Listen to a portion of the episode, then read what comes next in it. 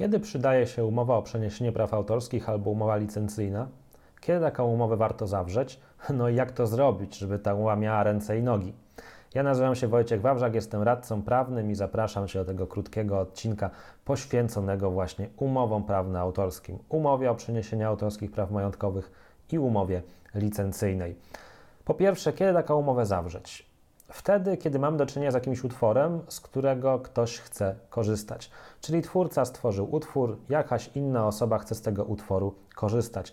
Żeby mogła z niego korzystać, no to musi nabyć do niego autorskie prawa majątkowe albo przynajmniej licencję. No, różnica polega na tym, że autor przeniesienia autorskich praw majątkowych co do zasady jest trwałe, natomiast licencja z założenia jest czasowa. Więc jeżeli udzielamy licencji, no to ona za jakiś czas się skończy. Co więcej, licencja może być wyłączna bądź niewyłączna. W przypadku licencji wyłącznej trochę skutek zbliża się do przeniesienia praw autorskich, bo ten, który udziela tej licencji, nie może innych licencji udzielać. Ale w przypadku licencji niewyłącznej sytuacja jest taka, że te, takiej licencji można udzielić dowolnej liczbie innych podmiotów, więc w tej samej chwili wiele różnych osób może taką licencję posiadać. Niech ta wskazówka będzie dla Ciebie przydatna przy podejmowaniu decyzji, czy idziesz w przeniesienie praw autorskich, czy idziesz w licencję. Niezależnie od tego, czy idziesz w przeniesienie praw, czy w licencję, to zawsze w takiej umowie musi znaleźć się precyzyjnie opisany utwór, którego dotyczy umowa, żeby nie było wątpliwości. Jak taki utwór można opisać? No albo słowami, wskazując na tytuł, jakąś datę udostępnienia drugiej stronie, a jeżeli jest taka możliwość, to najlepiej w jakiś sposób załączyć go do umowy, czy to jako jakieś graficzne odwzorowanie, czy w jakiś inny sposób, który pozwoli na jego jednoznaczną identyfikację, żebyśmy mieli pewność, jakiego utworu to przeniesienie praw bądź licencja dotyczy. Jeżeli mamy zdefiniowany utwór, no to idziemy w kierunku opisu tego, czy to przenosimy prawa, czy udzielamy licencji. I co ważne, przeniesienie praw albo udzielenie licencji zawsze odbywa się na jakichś polach eksploatacji.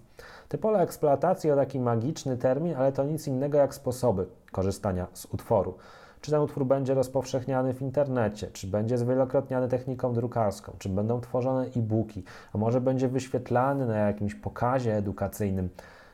To zależy od tego, jaki będzie rzeczywisty użytek i tak te pola eksploatacji powinny być dobrane.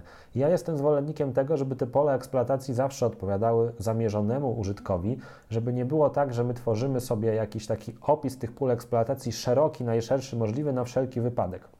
Choć po prawdzie też jest to jakaś pewna technika, bo czasem zdarza się tak, że na wyrost nabywamy te prawa autorskie majątkowe, żeby mm, w przyszłości nie musieć pytać twórcy o zgodę ponownie, gdybyśmy chcieli zrobić jakiś inny projekt wykraczający poza te pierwotne pola eksploatacji, ale to zawsze do ustalenia, to zawsze do wynegocjowania, natomiast zawsze te pola eksploatacji muszą być opisane.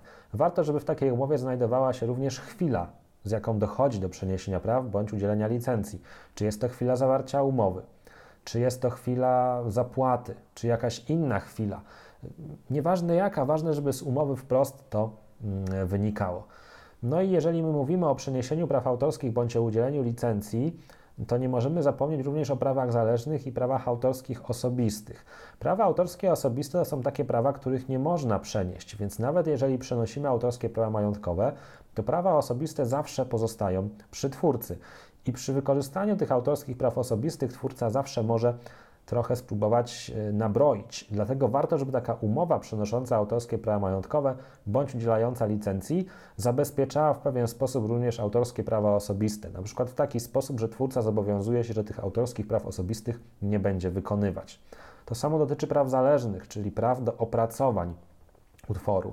Jeżeli chcemy w jakiś sposób modyfikować ten utwór, który otrzymamy od twórcy, no to powinniśmy również zabezpieczyć prawa zależne, po to, żeby potem nie musieć pytać twórcy o zgodę na ewentualne rozpowszechnianie tych opracowań tego utworu. No i oczywiście w każdej umowie, tak i w tej, kwestie wynagrodzenia. No, wynagrodzenie może być jednorazowe, ale może być na przykład w ratach, mogą być jakieś zaliczki, zadatki, mogą być też wynagrodzenia prowizyjne, na przykład od sprzedaży, albo jakieś wynagrodzenia kombinowane, czyli z jednej strony jakiś jednorazowy ryczałt plus jakaś prowizja od sprzedaży. To w zależności jak zostanie ułożona transakcja biznesowo, tak w tej umowie się to opisuje. No i oczywiście w takich umowach może znaleźć się również wiele innych postanowień, którymi nie będę Ci dzisiaj zaprzątał głowy, żeby tego odcinka nie przeciążyć. Natomiast jeżeli chciałbyś wiedzieć więcej, zapraszam do wersji tekstowej. Link znajdziesz w opisie, w komentarzu i tam będziesz mógł prześledzić wszystkie możliwe postanowienia, jakie mogą znaleźć się w takiej umowie, łącznie z przykładowymi postanowieniami do wykorzystania w Twojej umowie. W blogowym sklepie dostępny jest również szablon umowy o przeniesieniu autorskich praw majątkowych oraz szablon umowy licencyjnej. Możesz kliknąć, kupić i natychmiast z niej korzystać. To wszystko na dzisiaj. Jeżeli masz jakieś dodatkowe pytania, uwagi, wątpliwości, napisz do mnie maila bądź zostaw komentarz. No, a na dzisiaj to wszystko. Dzięki za uwagę, no i do usłyszenia, do zobaczenia, czy też do przeczytania. Trzymaj się ciepło. Cześć, cześć.